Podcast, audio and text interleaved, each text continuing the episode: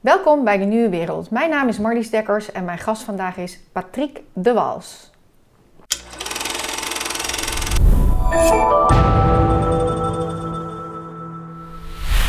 Goedemiddag Marlies. Goedemiddag.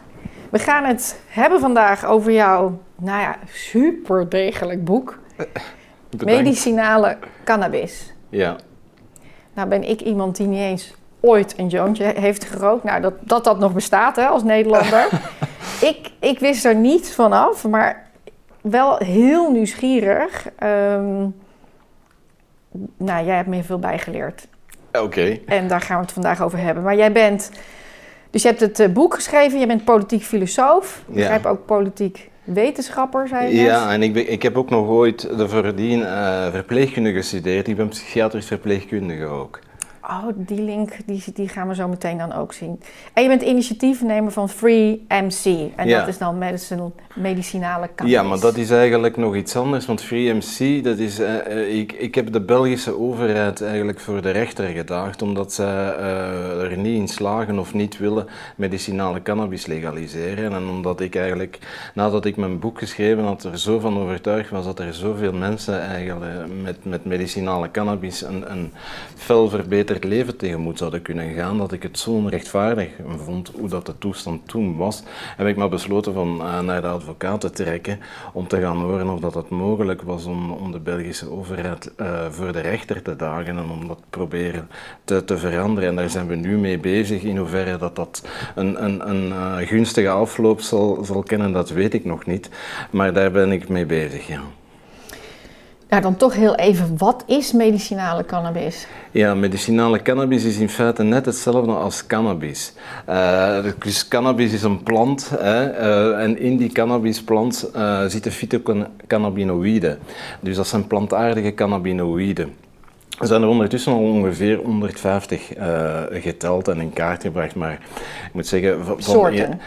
Nee, dat zijn allemaal elementen binnen de cannabisplant eigenlijk. Dus één cannabisplant, dat bestaat eigenlijk uit een 530 elementen. Daarvan zijn er 150 fytocannabinoïden. Daarnaast zijn er ook nog terpenen, flavonoïden en, en, en nog wat andere dingen. Ja, dan is er ook nog verschil tussen de mannelijke en de vrouwelijke plant. Ja, maar het is vooral de vrouwelijke plant Ja. dat eigenlijk eh, gebruikt wordt. Eh, zowel door recreationele gebruikers als door medicinale gebruikers. Want dat is een vrouwelijke plant die een soort van bloemtoppen maakt. Eh, en in die bloemtoppen zitten al die fytocannabinoïden die ik net zei, eh, verzameld. En het zijn die fytocannabinoïden die eigenlijk een eh, therapeutisch effect eh, op de mens hebben. En dat heeft te maken, en dat moet je goed weten, dat komt omdat we als mensensoort, en, maar ook als alle zoogdieren hebben dat bijvoorbeeld, ook zegels, die hebben een endocannabinoïde systeem. Dus wij hebben dat ook. Dat systeem bestaat enerzijds Ehm, zijn er endocannabinoïden, dus dat zijn cannabinoïden die wij zelf produceren. Bijvoorbeeld anandamide is de meest gekende, maar je hebt ook nog 2-AG. Je hebt er ongeveer En ze- waar produceren we dat ergens? overal in ons lichaam. En er zijn receptoren voor. En die zitten overal een beetje verspreid. Je hebt de CB1-receptor, die zit vooral in de hersenen. En de CB2 zit vooral in het immuniteitssysteem. Maar je ziet die een beetje overal, ook in, in, in de darmen en zo zie je die voorkomen. Nu, het is belangrijk om te weten dat dat een neurotransmittersysteem is. Dat is dus eigenlijk een boodschappensysteem tussen de cellen. Dus de cellen die communiceren met elkaar op een biochemische manier en een beetje elektrisch geladen ook. Nu, die endocannabinoïden, eh, die, die, dat systeem, dat zit eh, in zeer veel verschillende fysiologische processen, komt dat eigenlijk aan, eh, aan de slag, hè, werkt dat. Dus dat wil zeggen dat bijvoorbeeld de regeling van lichaamstemperatuur, van pijnmodulatie, van gemoedstoestand, van bewegingen, et cetera, et cetera, dat dat daar, dat neurotransmittersysteem, dat dat daar een effect op gaat hebben. Nu, het is goed en belangrijk om te weten dat de fytocannabinoïden, die dus eigenlijk in die plant zitten, Ja, ja, hou ons erbij, ja, want het zijn zoveel als je die woorden. inneemt, als je die inneemt, gaan die ook result, eh, eh, een resultaat hebben, omdat die op die receptoren ook ageren, die gaan daar ook mee binden. Dus die gaan al die verschillende fysiologische processen waar dat systeem in verwerkt zit, ook beïnvloeden. En van daaruit kan je begrijpen dat er eigenlijk een biologische uh, platform is of basis is dat er een reactie kan komen dat therapeutisch van aard is. En dat kan men dan weer aflezen uit, uit wetenschappelijke literatuur, waarin dat ondertussen al zeer ruim beschreven staat dat cannabis voor van alle uh, medische aandoeningen eigenlijk een therapeutisch uh, effect heeft. Hè. Dus de, de, de meeste of, of meest voorkomende zaken, uh, aandoeningen waar men uh, medicinale cannabis voor gebruikt en voorschrijft, uh, zijn chronische pijn, zijn ehm, nausea en braken te gevolgen van chemotherapie, zijn ook spasmen bij multiple sclerose, angst, dat is vooral de CBD, dat is één elementje daarin, dat, dat, dat eigenlijk... uh, verslapen. Maar die, die, de bewijzen voor slapen zijn net iets minder. Hè. Er is ooit een, een, een groep van, van uh, onderzoekers in, in Amerika heeft daar de vraag gekregen van de federale overheid van Amerika om dat te gaan onderzoeken en in kracht te brengen voor welke medische aandoeningen eigenlijk therapeut, uh, medicinale cannabis therapeutische effecten ja, deze zijn heel hard, hè, die je net zegt. Dus bij chronische pijn, misselijkheid en braken door geen ja. chemo's, uh, spasticiteit bij MS en angst. Ja, die zijn, en ondertussen, want, want dat uh, onderzoek dateert van 2017, is er ook epilepsie bijgekomen. Hè? Want, want onder invloed eigenlijk van, van heel veel uh, getuigenissen van patiënten heeft men ervoor gezorgd dat er onderzoeken versneld gebeurd zijn en waaruit ook nu blijkt dat CBD dan, hè, dat is een van die fytocannabinoïden, is dat dan één van die 500? Ja, één van die 150. Hè. 150. Er zijn 150 fytocannabinoïden, maar de plant heeft meer dan alleen maar fytocannabinoïden. De cannabinoïden, daar zitten ook andere elementen in. Hè. Hoe vind je dan als je zo'n plant hebt? Hoe weet je nou van, nou dat, is, dat deel doet dat en dat deel doet dat? Ja, dat is onderzoek dat dat heeft uitgewezen natuurlijk. Hè. Maar het is ook belangrijk... Ja, voor mensen die het zelf zelf telen? Ja, deels wel natuurlijk, want medicina, cannabis wordt al uh, decennia, eeuwen, millennia eigenlijk gebruikt, uh, zowel voor spirituele uh, activiteiten zal ik maar zeggen, als voor recreationele, maar ook voor medicinale. Als je gaat kijken naar de literatuur, de historische literatuur, dan wordt er al beschreven van voor dat, dat, dat, Jezus op de aarde rondliep. Hè. Dus dat is al een hele tijd. Dus vanuit die anekdotiek heeft natuurlijk uh, bepaalde inspiraties uh, opgevangen, maar dan zijn die, is men die in, in meer wetenschappelijke methodologie onderzoeken gaan, gaan, gaan testen. En dan heeft men kunnen zien dat bijvoorbeeld als, als het over nausea en, en, en braken bij, bij chemotherapie gaat, dan is het vooral THC dat zeer uh, goed effectief is. Maar het probleem met THC is dat het een psychoactief iets is.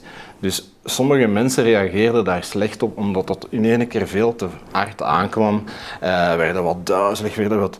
En dan zie je eigenlijk dat het veel beter is van niet alleen maar die THC te geven, maar in feite heel, heel die bloem. Dat, dat die mensen eigenlijk die bloem zouden moeten gaan verdampen. En omdat er in, in die bloem ook CBD zit, dat is een andere fytocannabinoïd, en die heeft naast dat ze dus bijvoorbeeld epilepsie en andere zaken uh, regelt of kan verbeteren, heeft ook uh, de, uh, hoe zal ik dat zeggen, de eigenschap dat ze eigenlijk het psychoactieve effect van de THC gaat verminderen. Dus wanneer dat je aan zo'n mensen niet alleen de THC presenteert, maar het geheel, dan zie je eigenlijk dat dat beter aankomt bij die mensen en dat ze eigenlijk veel beter uh, daarop reageren en gemakkelijker volhouden om dat te gebruiken. Maar je moet er dan dus best veel kennis van hebben als je dit voorschrijft. Is er bij artsen deze kennis? Nee, die kennis is er absoluut uh, niet. Dat is een universeel gegeven. Uh, dus zeer opmerkelijk. Uh, universeel maar... gegeven dat de artsen het niet weten? Ja. Absoluut. Dus er zijn bijvoorbeeld onderzoeken gebeurd in de Verenigde Staten, waar dat men uh, alle decanen uh, van de universiteiten waar een medische school aan, aan uh, toegevoegd was, alleen ik bedoel, wat een, medische school hebben, zijn uitgenodigd geweest om, te en, en, en, om een vragenlijst in te vullen. En om dan naar gelang van die vragenlijst kon men dan uitmaken in hoeverre dat eigenlijk het endocannabinoïde systeem bijvoorbeeld werd gedoseerd aan de universiteit. En daaruit blijkt dat ongeveer 83 à 85 procent van de artsen dat nooit gezien hebben in hun leven, het endocannabinoïde systeem. Ik herhaal, dat is een systeem dat wij allemaal hebben, dat in zeer veel fysiologische processen eigenlijk een rol speelt. En die mensen hebben dat nooit, nooit geleerd. Dat is in de Verenigde Staten, waar dat ondertussen toch al 33 staten van de 50 staten uh, medicinale cannabis gelegaliseerd hebben en de artsen het ook kunnen voorschrijven. En dat gebeurt vaker en vaker. Maar uh, in andere landen, zoals in België of in Nederland, is dat net hetzelfde. Ook hier wordt dat uh, bijzonder weinig aan de universiteit gedoseerd. Ook in Italië is dat zo. Dat is, dus, wereldwijd? ja, dat is wereldwijd. Zeer opmerkelijk. Zeer opmerkelijk uh, dat, dat men daar een stuk vergeten heeft. Uh, ik kan dat ook niet uitleggen waarom dat, dat het geval is. Nou ja, je zou kunnen denken, misschien is het heel dodelijk. Of... Nee, dat is het net niet. Want uh, cannabis is, is eigenlijk een vrij veilig product. Uh, het, het, het veiligheidsprofiel is zeer gunstig, het is weinig toxisch, dus je kan er zeer weinig verkeerd mee doen. Ik had ooit een gesprek met Lester Greenspoon, dat is een psychiater vanuit de Verenigde Staten, die echt wel een pionier geweest is in heel uh, de revival rond cannabis als medicijn te gaan gebruiken. Hij is ondertussen enkele jaren geleden overleden op 1 of 92-jarige leeftijd. En die man die vertelde mij van, uh, in feite zou een dokter bij zeer veel aandoeningen cannabis moeten voorschrijven. Als eerste. Omdat je daar eigenlijk zo weinig fout mee kan doen. Want de reacties zullen nooit heel ernstig zijn. Er kan niks van nevenwerking zijn die zegt van oei oei oei, wat heb ik nu gedaan? En doden, nee, die vallen er sowieso niet. Dus, want er is nog nooit in de wetenschap een, een dode van... Ook een uh, overdosis? Nee, dat is nog nooit vastgesteld geweest. Dus het is eigenlijk een zeer veilig uh, middel, maar zeer ongekend middel bij de artsen. Dus uh, vandaar ook een van de redenen waarom dat ik dat boek geschreven heb, om een beetje bij de artsen uh, een inhaalbeweging te, te veroorzaken. Ja, je verwijst ook naar heel veel wetenschappelijk onderzoek allemaal. Ja, dat, ja, ja, ja, ja. Ik, ik heb me daar ook wel uh, al enkele jaren mee bezig gehouden. En, en, en daardoor is het ook zo dat ik redelijk veel heb gelezen daar rond. En, en ik heb ook uh, de moeite gedaan om met specialisten te gaan praten. Met mensen die al 20, 30 jaar onderzoek naar hen doen. En, en ja, die, hun visie daarop is natuurlijk veel, uh, hoe zal ik zeggen, interessanter om te horen dan een visie van een die nooit het endocannabinoïde systeem bestudeerd heeft. Want dat zie je ook vaak, dat die mensen dan naar voren komen als woordvoerder. En, maar die hebben dat nooit bestudeerd en die zeggen dan, ja man, cannabis, dat is eigenlijk, uh, ja dat dient niet voor veel hoor. Uh, daar kun je niet veel mensen beter mee maken. Dat is... Uh... Maar wat is dan het vooroordeel? Want er zijn natuurlijk vooroordelen. Ja, maar de vooroordelen die zijn al heel oud tegenover cannabis. Dat komt ook niet vanuit de medische wereld. Hè. Er komt eigenlijk een vooroordeel naar cannabis. Dat bestond al in, in, uh, op het einde van de 19e eeuw. Um, er was een bepaalde conservatieve geest. Ik zal maar naar Amerika verwijzen. Binnen Amerika, de, de Amerikanen, de conservatieve Amerikanen hadden een bepaald beeld van hoe dat de maatschappij moest gaan functioneren en wat de best mogelijke maatschappij zou zijn. En daar was drugs uh, een spelbreker in. Dus mensen die drugs gingen gebruiken, dat waren sowieso spelbrekers. Dus die moesten eigenlijk uh, ja, op een bepaalde manier gestraft worden of weer tot de orde geroepen worden. Bovendien uh, was het ook zo dat in de Verenigde Staten cannabis uh, vaak gebruikt werd bij etnische minderheden, door etnische minderheden, door Afro-Amerikanen, door Mexicanen die geëmigreerd waren, door Bohemia's, door mensen die er andere gedachten op nahielden dan de conservatieven, et cetera, et cetera. En die mensen heeft men daar dan ook allemaal, uh, hoe zal ik het zeggen, beschuldigd van, van criminelen te zijn, omdat ze drugs gingen gebruiken, et cetera. Maar dat was een manier eigenlijk om dissidenten het zwijgen op te leggen en om ze te kunnen veroordelen al, al die gegevens samen hebben er ook voor gezorgd, maar dan later, hè, want de, internationale, eh, de VN heeft in 1961 een internationaal drugsverdrag uh, goedgekeurd. En daarin wordt gesteld, uh, daar worden eigenlijk een heleboel drugs uh, in, in, in, in een schema gegoten, in categorieën gegoten. En cannabis is daar in, in een uh, categorie, in twee categorieën verzaald geraakt. Uh, de eerste was dat het zeer verslavend zou zijn en gevaarlijk. En dan, dat was de eerste categorie. En in de vierde categorie, dat het ook nog andere zeer gevaarlijke kenmerken had. En dat het geen medische uh, waarden had. Maar dat is compleet onjuist. Ja, want het is dus vooral het roes-element. Dus niet het, het element van dat het, uh, dat het therapeutisch, therapeutisch is. Hè? Dus het, het, medicinale wordt dan hier uh, ja. voorbij aangegaan. En in de volksmond, wat ik ook dan best wel vaak hoor, volgens mij krijg je een hartaanval als ik dit zeg, maar toch gewoon wel van, ja, het triggert schizofrenie of het triggert... Uh, nee, dat is niet waar, want schizofrenie is eigenlijk in feite een aandoening waarmee dat de mensen uh, geboren worden. Dat is een kwetsbaarheid dat bepaalde mensen hebben en dat is heel spijtig. Wat het wel kan triggeren, dat is psychoses. Hè? Dus, maar wat men daarbij vergeet te vertellen, dat is dat ongeveer alles bij mensen met die bepaalde kwetsbaarheid een psychose kan triggeren. Zeg maar iets. Ehm, maar ook medicijnen zou dat kunnen triggeren? Ook, bijvoorbeeld. Uh, maar je kan bijvoorbeeld je been breken en je kan in één keer je been door je, je, je, je uitzien. En dat kan ook een, een, psychose triggeren. Ik ken mensen, toen ik nog werkte in de, in, in de, in de psychiatrie, die zijn psychotisch geworden, eh, een vrouw dan, omdat ze zwanger uh, geworden was. De jongen die uh, de, de, het lief was, of de man was, de veroorzaker ook van, van de ja. zwangerschap, die had ook een, een, een historie in, in de psychiatrie, die is ook uh, uh, psychotisch geworden. Ik ken mensen die psychotisch geworden zijn omdat het onweer insloeg. Ja, dus je bedoelt dat kan van alles zijn. Dat kan van alles, maar wat we Maar toch is het heel erg op een of andere manier geslaagd om dat aan elkaar te koppelen. Dat zit heel erg in ons. Absoluut, maar dat is ook uh, wat, wat, wat, zeer opvallend is. Uh, die, die hele. ik zeg niet dat. dat uh, het gebruiken van cannabis niet tot een psychose zou kunnen leiden, want dat is wel waar. In feite wat uh, het meest elementair is aan een, een, een psychose triggeren, dat is angst en stress.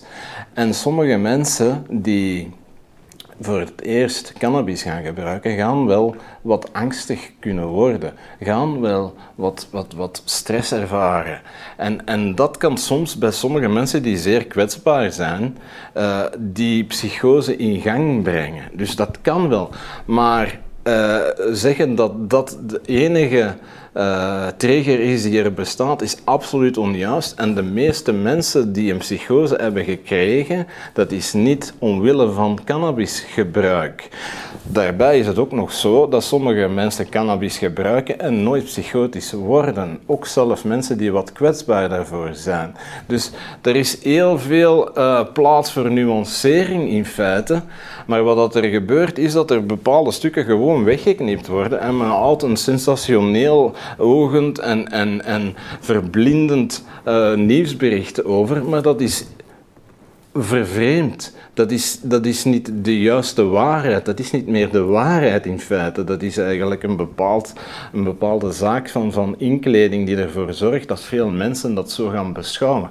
Er is trouwens ook nog een onderzoek dat, dat stelt dat het misschien tabak is dat psychose veroorzaakt. Nu moet u weten dat de meeste cannabisgebruikers, en nu gaat het niet meer over medicinaal, hè, Nee, maar die, die, die, die, ook. hè? Ja, dus daar zit ook tabak in. Dus waarom zou het niet de tabak kunnen zijn? Wel, omdat de lobby van de tabak ervoor gezorgd heeft dat dat niet te veel besproken wordt. En er is natuurlijk bijzonder weinig lobby van cannabisgebruikers die dat zou kunnen, kunnen eh, be- eh, bewerkstelligen. Dus, dus Maar als ik wel de complexiteit hoor, dan is het juist eigenlijk heel belangrijk dat er eh, artsen zijn die dit gewoon snappen, weten welk deel van de plant ze moeten voorschrijven, de hoeveelheid, Ja, ja, ja. hoe je het gebruikt. Want er zijn allerlei manieren absoluut. om het binnen te krijgen. Maar ik, ik had ooit een interview met, met eh, Mike Barnes. Eh, dat is een professor eh, in de neurologie in, in het Verenigd Koninkrijk. Hè. Die heeft ook een heel onderzoek gedaan.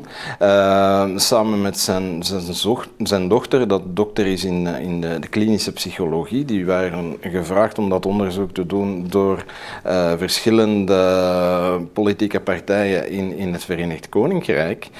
En eh, dus het is vooral zijn dochter die daar heeft over, over eh, ja, eh, de, de literatuur doorgenomen.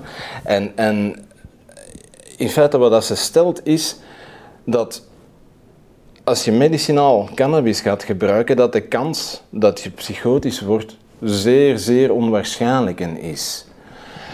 Daarbij komt ook nog een keer dat de arts met een goed anamnesegesprek, dus de ziektegeschiedenis van die mens en ook van zijn familie, et cetera, et cetera, moet nagaan. En dat je dan een heel, heel, heel veel mensen die mogelijk een risico zouden lopen, kan uitsluiten. Dus dan is er eigenlijk niet zo heel veel Ja, problemen meer Ja. over hoor. Ja, maar je hebt die zorgvuldigheid nodig van... Absoluut. Ik heb, dat- ik heb ooit een, een, een interview gedaan met eh, Marco van der Velde. Eh, dat was in 2015, 15, als ik mij niet vergis. Marco van der Velde is de, de directeur, of hoe moet ik het zeggen, van het BMC, het Bureau voor Medicinale Cannabis, dat jullie hier in Nederland hebben. Hè. Toen der tijd in elk geval. Ik weet niet of die man nu daar nog actief in is.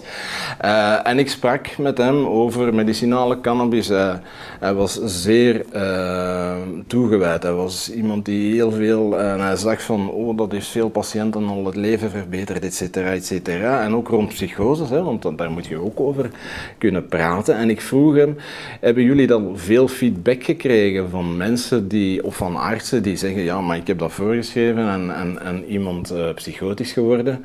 Dat was nog nooit gebeurd. Ja, ja. Nee, het is een, een hardnekkig eh, iets. Dan, ehm, hè, wat jij schrijft ook van... Er zijn eh, de zieken en hun mantelzorgers of hun cannabis social clubs. Kunnen relatief makkelijk medicinale cannabis kweken. Jij beschrijft het echt als een soort community. Mhm. Dus, het- dus daar waar het gekweekt wordt, daar ga je ook heen. Die supporten je. Ja, Eh, maar zo gebeurt het ook. Ja, voor mij is dit een nieuwe Nee, nee, nee. Maar ik bedoel, zo gebeurt het ook in bepaalde plaatsen op de Ja. wereld, zal ik maar zeggen. In de Verenigde Staten bijvoorbeeld zijn er bepaalde plaatsen waar dat het zo gebeurt. Hè. In, in, vooral rond Californië, et cetera. Is dat een manier waarop dat men eigenlijk cannabis produceert en dus ook aan de patiënt brengt. En dat is dan inderdaad zo een beetje een, een, een soort van wijkgezondheidsbuurt, zo iets achtigs. Waar dat ook trouwens niet alleen maar de mensen komen voor met cannabis bezig te zijn, maar waar dat ze ook soms een bingoavond of iets anders gaan organiseren. Maar het is belangrijk voor die chronische patiënten, vaak pijnpatiënten, dat ze ergens zo'n centrum hebben waar dat ze naartoe kunnen gaan en waar dat ze ook gemakkelijk kunnen spreken over hun gebruik, wat dat ze eigenlijk allemaal hebben meegemaakt. Of misschien moeten ze een andere soort van cannabis gaan gebruiken. Dus daar gaat het allemaal wat vlotter. Maar het is denk ik wel belangrijk om te weten dat eh, een heel... eh, cannabis een, een plant is die je gemakkelijk zelf kan telen. Ehm, farmaceutische bedrijven zullen dat tegenspreken. Hè. Die zullen beweren van oei oei eh, je kunt dat wel kweken, maar dat moet allemaal op een bepaalde manier, zeer steriel, zeer klinisch, zeer labo, zeer veel dit en zeer veel dat. Nu, Dat is... Uh, maar volgens mij wordt het in Nederland best veel gekweekt, ook illegaal. Natuurlijk, maar dat is ook een mogelijkheid. Hè? Maar ze gaan er wel voorbij dat men eigenlijk al millennia aan een stuk het zonder die labo hebben gedaan. En dat nu nog altijd heel veel mensen het eigenlijk zonder labo doen. Natuurlijk is het zo dat voor de farmaceutische bedrijven... Uh, zij hebben daarin een verdienmodel. Hè? Dus als zij ervoor kunnen zorgen via lobby dat de politici denken dat hun uh, cannabis de enige juiste cannabis is en degene die men in zijn tuin zelf kweekt, dat dat vergif is, dan gaan die natuurlijk kassa kassa. Uh, die gaat enorm rinkelen. Hè? Maar je ziet dat eigenlijk heel veel mensen erin slagen om cannabis zelf te telen. En, en ik denk dat dat ook belangrijk is vanuit een bestuurkundig uh, uh, benadering. Waarom? Omdat, zoals alles bij, bij, bij de politiek, er is maar een bepaald ehm, hoeveelheid geld dat, dat een overheid kan spenderen natuurlijk. En alle geld dat je daaraan uitgeeft, dat kan je niet meer uitgeven aan iets anders. Dus ik denk dat het voor uh, uh, een overheid belangrijk is om dat te overwegen, in te zien, dat men eigenlijk door zelf aan de patiënten zelf de mogelijkheid te geven, of aan mantelzorgers de mogelijkheid te geven om medicinale cannabis te kweken, dat men daar veel veel geld mee kan besparen. Maar echt veel, hè? Je had het ergens over een miljard wat uitgegeven was in Ja, dat was in Amerika. In, Amerika was dat inderdaad. Uh, dus dat waren Bradford en Bradford, dat waren de onderzoekers die dat uh, hebben onderzocht.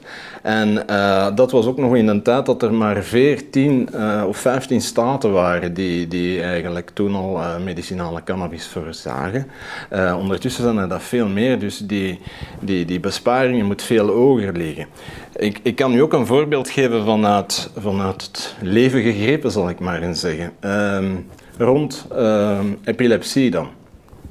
Dus ik zei daarnet al dat er een, een, druk was ontstaan vanuit de mensen naar, naar, naar, uh, naar, de farmaceutische bedrijven toe, dat er vlugger moesten, moesten onderzoeken komen en dat dan een, een middel op de markt kwam en dat is Epidiolex. Epidiolex dat is gewoon CBD opgelost in een vorm van olie. Hè. En ja, dat, kokosolie of olijfolie. Ja. ja. Maakt niet uit. Dat is, ook niet, ja, dat is ook niet het therapeutische. Het is gewoon die CBD ja. dat, dat therapeutisch werkt. Nu, uh, het bedrijf van Epidiolex, dat is GW Pharmaceuticals. Die hebben uh, kort nadat ze uh, zeiden dat ze dus een, een, een, een toekenning gekregen hadden van de FDA om dat op de markt te brengen, gesteld dat ze voor een patiënt die dat een jaar lang zou gebruiken, op de prijs waren uitgekomen dat dat ongeveer 32.500 dollar zou kosten. Dat is veel geld. voor dat voor zo'n plantje. Ja, voor zo'n gewoon een componentje ja. nog wel. Hè? Dus ik ken bijvoorbeeld eh, Jean-Pierre Vonke. Jean-Pierre is, is iemand die in België een beetje bekendheid heeft, omdat onder andere uh, hij de vader is van een dochter met epilepsie. Sophie, Sophie Vonke. Uh, om een verhaal kort te maken, dus van 2,5 jaar tot 6 jaar had Sophie enorm veel last van epilepsie. Men heeft daar van alles hè, via artsen uh, aan proberen te doen, via anti-epileptica. Ik denk dat er zes of zeven verschillende soorten geprobeerd heeft. Ze heeft dan ook nog verschillende diëten en zo geprobeerd. En op het einde van het resultaat, dus als ze dan 6 jaar was, dus na 3,5 jaar uh, van, van die probeersels, zal ik maar eens zeggen, uh, zei het onderzoeksteam tegen Jean-Pierre en tegen zijn vrouw. Uh, ik denk dat het tijd is om afscheid te nemen van Sophie. Hè? Dus met andere woorden, haar toestand was zo kritisch geworden dat zij dachten dat het niet meer lang ging duren dat ze nog op de aarde zou rondlopen. Jean-Pierre was ondertussen al, uh, had al kennis genomen van bepaalde gevallen in de Verenigde Staten, waar dat ook uh, kinderen met kinderepilepsie CBD-olie gingen gebruiken. Dus die man die heeft gezegd van oké, als dat is, als jullie mij niks meer te bieden hebben, dan ga ik CBD-olie aan mijn dochter geven. Hij heeft ook nog gevraagd aan het onderzoeksteam, willen jullie dat monitoren? Hè? Willen mm -hmm. jullie zien wat voor effect het Wat heeft. het effect het lijkt me is, dat je daar nieuwsgierig naar bent. Hè? Dus ze hebben gezegd, nee, daar willen we niks mee te maken hebben. Hè? Dus hij heeft dat dan maar gewoon thuis gedaan. Na tien minuten nadat ze die olie, die druppel had geslikt, heeft ze Jean-Pierre zijn hand vastgepakt en zijn ze gaan trampoline springen. Wel, zei Jean-Pierre zo niet. Maar ik bedoel maar, dus dat effect was redelijk spontaan, allee, redelijk immediat. En ehm, die man eh, geeft haar CBD-olie ehm, dat iemand anders voor hem bereidt. En ik vroeg hem, wat is dan jouw kostprijs? Wat kost jou dat? En dat was 300, 350 euro per jaar. Dus dat is 100 keer minder dan wat dat, dat bedrijf daarvoor vraagt. Dus daarnaast is het ook nog een keer, dat is een enorme besparing. Hè? Eigenlijk Ja. moeten wij tegen Jean-Pierre, merci, want dankzij u hebben we net 30.000 euro bespaard. Bovendien zijn er ook nog andere besparingen, want door die CBD-olie hoeft eh, Sophie veel minder naar eh, het ziekenhuis te gaan. Hè? Want in die Else periode is Sophie eh, veel keren via spoed of andere eh, eigenlijk bij, bij het ziekenhuis terechtgekomen. Dus dat zijn enorme besparingen en dat gaat maar over één persoon. Stel je maar een keer voor dat er zo 100 epilepsiepatiënten dat gebruiken. Dat is enorm besparend. En dat is maar een kleine groep. Maar is die lobby dan zo sterk? Absoluut. Want ik bedoel, dit rekent gelijk zo goed door dat je denkt, ja. Maar die lobby is enorm sterk.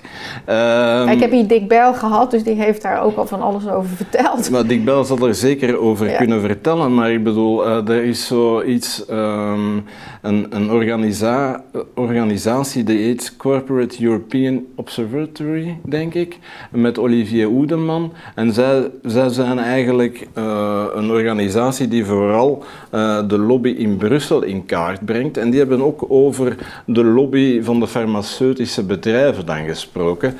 In verband met het EMA, hè, dus dat is de European Medicine Ja, ja die Agency. kennen we inmiddels allemaal. Ja, en die hebben daar vastgesteld dat het ongelooflijk was hoeveel mensen dat daar werkten, dat voordien eigenlijk in de farmaceutische industrie gewerkt heeft. Ja, dus die hebben is- vastgesteld, ja, die hebben vastgesteld dat bepaalde lobbygroepen van de farmaceutische industrie enorme EMA miljoenen hebben en dat ze door lobby eigenlijk enorm veel contact hebben met toplagen van de IMA. Ja, dus die lobby is heel sterk. Je weet, allez, je zou kunnen afleiden van medicinale cannabis. Van de patiënten gewoon, daar is geen lobby, hè? daar is nog nooit niet iemand op het tweede verdiep geraakt.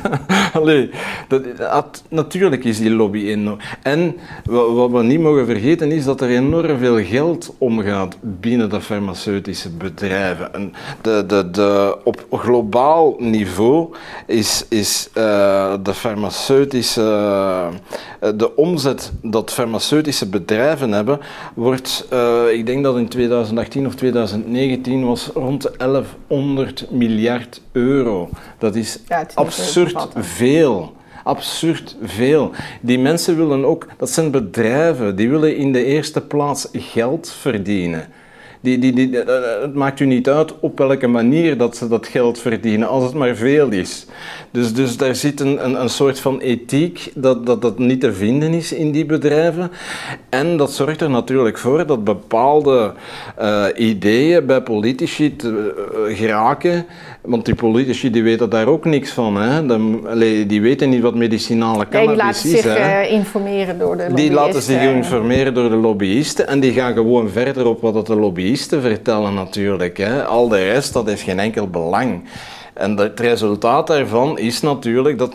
Ik veronderstel dat, hè, als, want in België is medicinale cannabis tot nog toe gewoon illegaal. Maar als het legaal gaat worden, dan denk ik dat het vooral eh, producten zullen zijn die van de farmaceutische bedrijven uitgaan, die enorm veel geld gaan kosten, die dus enorm veel geld ook aan, aan de belastingbetaler zal kosten, want elke keer dat iemand zoiets koopt, ja, daar moet voor betaald worden. Hè? Dus dat is niet gratis. Dus ik denk dat het echt wel... ehm, goed zal zijn indien men de mogelijkheid zou geven aan, aan patiënten of, of, of via organisaties om zelf dat te telen. Ja, dat, daar ben je echt een voorstander van. Absoluut, hè? Dus juist, absoluut. ik doe vanuit kostenefficiëntie, maar ik kan me ook voorstellen van dat je in ieder geval het gevoel, ik heb het lot in handen of ik Ja, ben maar dat- dat onderdeel van, van die community die Dat zorgt dat ik, dat ik pijnstilling heb. Ik, ik had ook een, een, een interview ooit met Sunil Agarwal. Dat is een eh, dokter en, en professor in Washington, in de staat Washington. En die heeft daar een, een, een PhD rond gedaan. eh, rond, rond hoe dat eh, mensen zich verhouden met planten en hoe dat zich verhoudt op de gezondheid, et cetera. En die stelde van... En dat is niet alleen met, met cannabis trouwens zo, hè, eh, dat mensen die, die, die, die eh, het gevoel hebben, of met planten werken, dat die sowieso al een elende kracht krijgen bijna door dat te doen. Het is ook al duizenden jaren geleden wisten we dat. hè. absoluut, absoluut. Als je dat dan zo'n relatie kan opbouwen met een plant waarvan je weet dat hij je ook nog aan het elen is, dan is dat zeer speciaal. Dus ja, natuurlijk, dat komt er ook nog Maar dat bij. staat zo haaks op van een pilletje in een potje. Dus we zijn daar zo ver vandaan Ja. geraakt. Dat is, Maar dat eh, is natuurlijk ook eh, een enorm, hoe zal ik dat zeggen, weerslag op hoe dat de artsenopleiding. Eh, Nou ja, studeren ze medicijnen of studeren Voilà, hè, u hebt hier al die, die, die huisarts ja. eh, gehad die het daarover heeft. Hè. Eh, Dick Bijl heeft ook een boek Ja. geschreven, Het pillenprobleem, waarin dat hij dat ook allemaal uitzet, dat heel veel pillen eigenlijk niet de gewenste resultaten hebben, maar dat het vooral een lobbymachine is die doet alsof. Trudy de Huwe, ik weet niet of dat je die kent, dat is een, een, een Nederlandse, zij is dokter in psychologie, maar ook dokter in de wetenschapsfilosofie, heeft verschillende boeken daarover geschreven. Ze heeft onder andere de depressie-epidemie geschreven en betere mensen, dat gaat over ADHD en daar fileert ze dat ook. Daar laat ze zien dat in feite eh, antidepressiva maar bij zeer weinig mensen een nuttige rol hebben. Maar als je ziet hoeveel mensen dat er eigenlijk vandaag antidepressiva Ja. slikken, dat gaat over in België rond een miljoen, denk ik. Hè? Ja, En daarvan zullen er misschien maar 10.000 of 100.000 maximum eigenlijk gunstige effecten hebben. Allee, maar dan moeten we toch even afsluitend, want we zijn er helaas al bijna door de tijd heen. eh, De opiaten, dat is natuurlijk ook echt een, ja. een hele grote crisis waarin we zitten. Eh, ik, ik kom veel in Amerika, natuurlijk afgelopen jaren niet, maar ehm, daar is het echt heel erg. Dus eh, tandartsen die ik spreek, die zeggen gewoon van, eh, ik moet, alles moet pijnloos zijn, hè, want anders krijg ik ook geen klanten.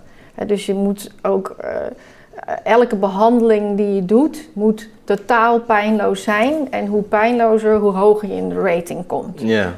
Het is natuurlijk een beetje vraag-aanbod, maar daar zijn we in een soort spiraal gekomen met elkaar.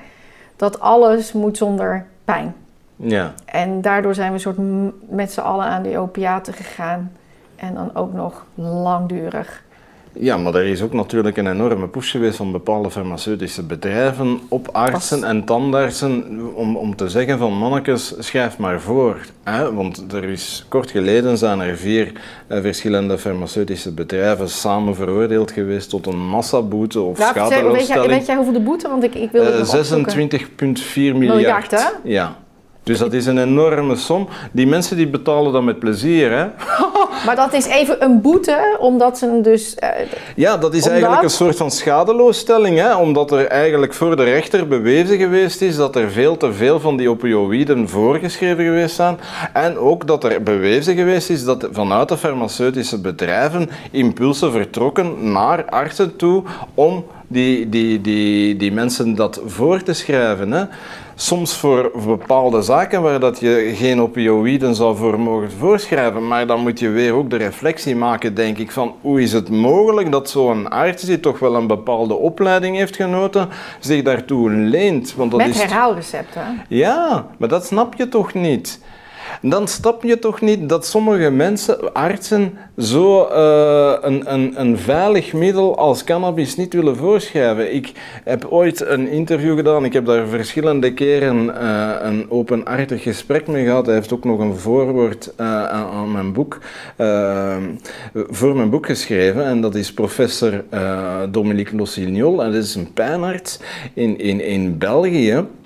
En die vertelde mij van, luister, dus als pijners komen hier heel veel mensen met pijn. Hè. Hij werkt dan ook nog in een kankercentrum, dus dat zijn soms kankergerelateerde, soms niet kankergerelateerde pijnen.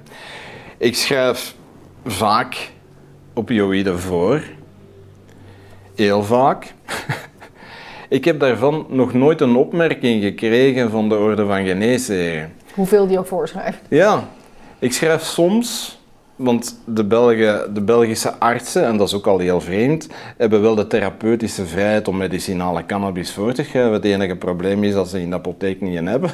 en dan moeten ze naar Nederland komen, de Belgen, met zo'n een, voorschrift. Dan kunnen ze dat soms krijgen, maar als ze dat in het land brengen, dan zijn ze, uh, zijn ze crimineel. Hè? Maar dus wanneer dat hij wel uh, die medicinale cannabis gaat voorschrijven, dan krijgt hij wel te horen vanuit de Orde van Geneesheer, van wat ben je daar aan het doen? Dat kan toch niet? Uh, medicinale cannabis voor pijn. Wie doet dat nu? Dat is, daar is geen enkel uh, bewijs voor. Terwijl dat er, ik weet niet hoeveel bewijs voor is. Dus, dus, dat, is, dat is een absurd. Men, men, zit eigenlijk in een absurde situatie dat, dat, waar dat heel veel zaken moeten uh, verbeterd worden, waar rechtgetrokken moeten worden en dat, waar dat veel meer, hoe zal ik zeggen, moet gekeken worden naar wat dat er in de wetenschappelijke literatuur staat, maar ook wat ze van feedback kunnen krijgen. Bijvoorbeeld bijvoorbeeld in die staten van uh, Amerika, in Californië is, is uh, medicinale cannabis al van, 98, nee, van 96 uh, eh, vrij, hè, dus legal, gelegaliseerd. Dus dat is al 25 jaar. Kijk wat die mensen daarmee doen. Dat zijn ook allemaal artsen die dat voorschrijven hoor. Dat is niet van... Er zit heel veel kennis dus ook. Natuurlijk. Maar ja, ik, ik zat een beetje op te scheppen naar jou. Zo van, ja, maar, hè, wij in Nederland zijn ook ver. Toen zei jij, nou... Ja, maar uh, uh, weet je, ik, ik, nog heel even daarop. Hè. In, in Israël is een pioniersland in, in, in de cannabis al, al, gebruik van, als therapeutisch middel. Hè. In, in 2018 las ik een, een, een, een onderzoek. In 2015 waren er 24.000 officieel geregistreerde cannabisgebruikers, dus medicinale cannabisgebruikers. Dat kon alleen maar nadat een bepaalde specialist dat is voorgeschreven. In 2018 waren er dat al 32.000. In 2020 waren er dat 70.000. Hier in Nederland, dat is een land dat ongeveer de helft heeft van het aantal inwoners. Ik denk dat jullie in Nederland ongeveer met 17 miljoen, ja. ja. daar zitten ze met 8,5 miljoen. Ja. Dus dat past mooi. Dus als je dat naar hier zou extrapoleren, dan zou je met 140.000 mensen kunnen zitten die uh, medicinaal. En dat is dan nog een vrij conservatief land hè, daarin. Want in Amerika en in Canada en zo gaan ze veel verder hoor. Zijn ze al, daar echt heel veel uh, verder. En dan zie je hier in Nederland dat misschien 5 à 10.000 mensen uh, met medicinale cannabis geholpen worden, hier en daar. Uh, terwijl dat het eigenlijk, de hele distributie is mogelijk en, en, en, en je ziet dat er niet meer van wordt, wordt hoe zal ik zeggen, gebruik van gemaakt. Dat heeft ook natuurlijk te maken dat de huisartsengenootschap hier in Nederland oproept aan de huisartsen van schrijven niet want er zijn geen bewijzen voor. Terwijl dat het BMC op haar site uh, bepaalde dingen zet waarin dat staat dat er wel bewijzen zijn. Dus die zijn een verwarrend verhaal. Ja, dus wat, want daar wil ik toch nog even uh, iets over vertellen. Hier in, in Nederland heb je... Renus Bijntema. Die heeft een, een, een zeer uh, opmerkelijk uh, initiatief uh, in, in Friesland gestart. Sufernufer. Uh, ik denk dat het ergens in 2013 of zo gestart is. Irenius Bentema is iemand die zeer veel over cannabis en weet, die vroeger ook een coffeeshop-ouder was, maar die altijd een bepaalde liefde heeft gehad voor dat plantje en die dus ook uh, cannabisolie en zo kan maken. In 2012 of zo is hij te weten gekomen dat het blijkbaar therapeutische effecten had. Nou, dat is allemaal interessant. Ongeveer dezelfde tijd hoort hij van uh, de vriend van een vader, denk ik, van ja, ik heb problemen, ik weet niet meer welke medische aandoening, of was het nu pijn, of, dat weet ik niet meer. En Renus zei van ja, ik zal eens even, hè, kan je eens proberen. Die man probeert dat en die was, wauw, geweldig. Wat een hulp, bedankt Renus. Ja, het duurde niet lang, of er waren er al vijf, zes anderen natuurlijk. Hij heeft hem ook allemaal geholpen. Nadien is dat zodanig gegroeid dat hij uh, ondertussen in Nederland negen inloopcafés heeft gehad. Dus in Leeuwarden was er een, in Maastricht was er een, in Eindhoven was er een, in Amsterdam.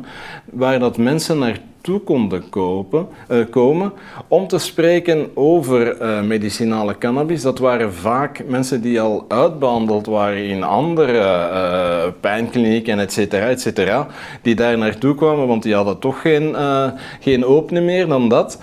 En die dat dus beginnen proberen zijn. Ondertussen is uh, die man slaagt erin om 25.000 man te voorzien van cannabisolie van zeer goede kwaliteit, waar dat de mensen zeer, zeer uh, tevreden over zijn. Maar hij heeft wel een proces aan zijn been, want hij is de opiumwet aan het uh, schenden. En dus 14 oktober of zo, denk ik, gaat dat voorkomen. Dus moet wel gezegd worden dat dat is al enkele jaren geleden dat men daar vanuit justitie is naar beginnen kijken. En, en ze hebben nooit op geen enkel moment eigenlijk de stichting gesloten of dat de productielijn afgesloten. Maar natuurlijk met het vonnis dat 14 oktober zal uitgesproken worden, is dat, behoort dat wel tot de ja. mogelijkheden. En dat zou, als ze zeggen van je moet stoppen, ja, dan staan er 25.000 man terug in dezelfde penarie. Dus, dus... Dan moeten we terug naar de opiaten. Ja, maar die, die, die mensen hebben zelfs geen verlossing gekregen nee. van opioïden. Hè? Nee. Want, want wat, wat mensen vergeten is dat in feite opioïden, dat je dan niet uh, aan, aan chronisch zieke mensen moet geven. Uh, opioïden, dat is goed uh, voor een termijn van 5, 7, 10 dagen of zo. Maar, maar niet na... voor chronische pijn. Hè? Nee, want na die tijd dan gaat dat therapeutische effect ja. naar beneden en komen alle nevenwerkingen ja. naar boven. En dan heb je nog veel meer problemen dan je aanvankelijk had. Dus maar, maar, maar artsen kiezen daar blijkbaar voor. Nou, ik vind je verhaal heel indringend en uh, heel overtuigend. En dank je wel voor uh, dit inspirerende verhaal. Dat is uh, zeer graag gedaan en bedankt voor de uitnodiging.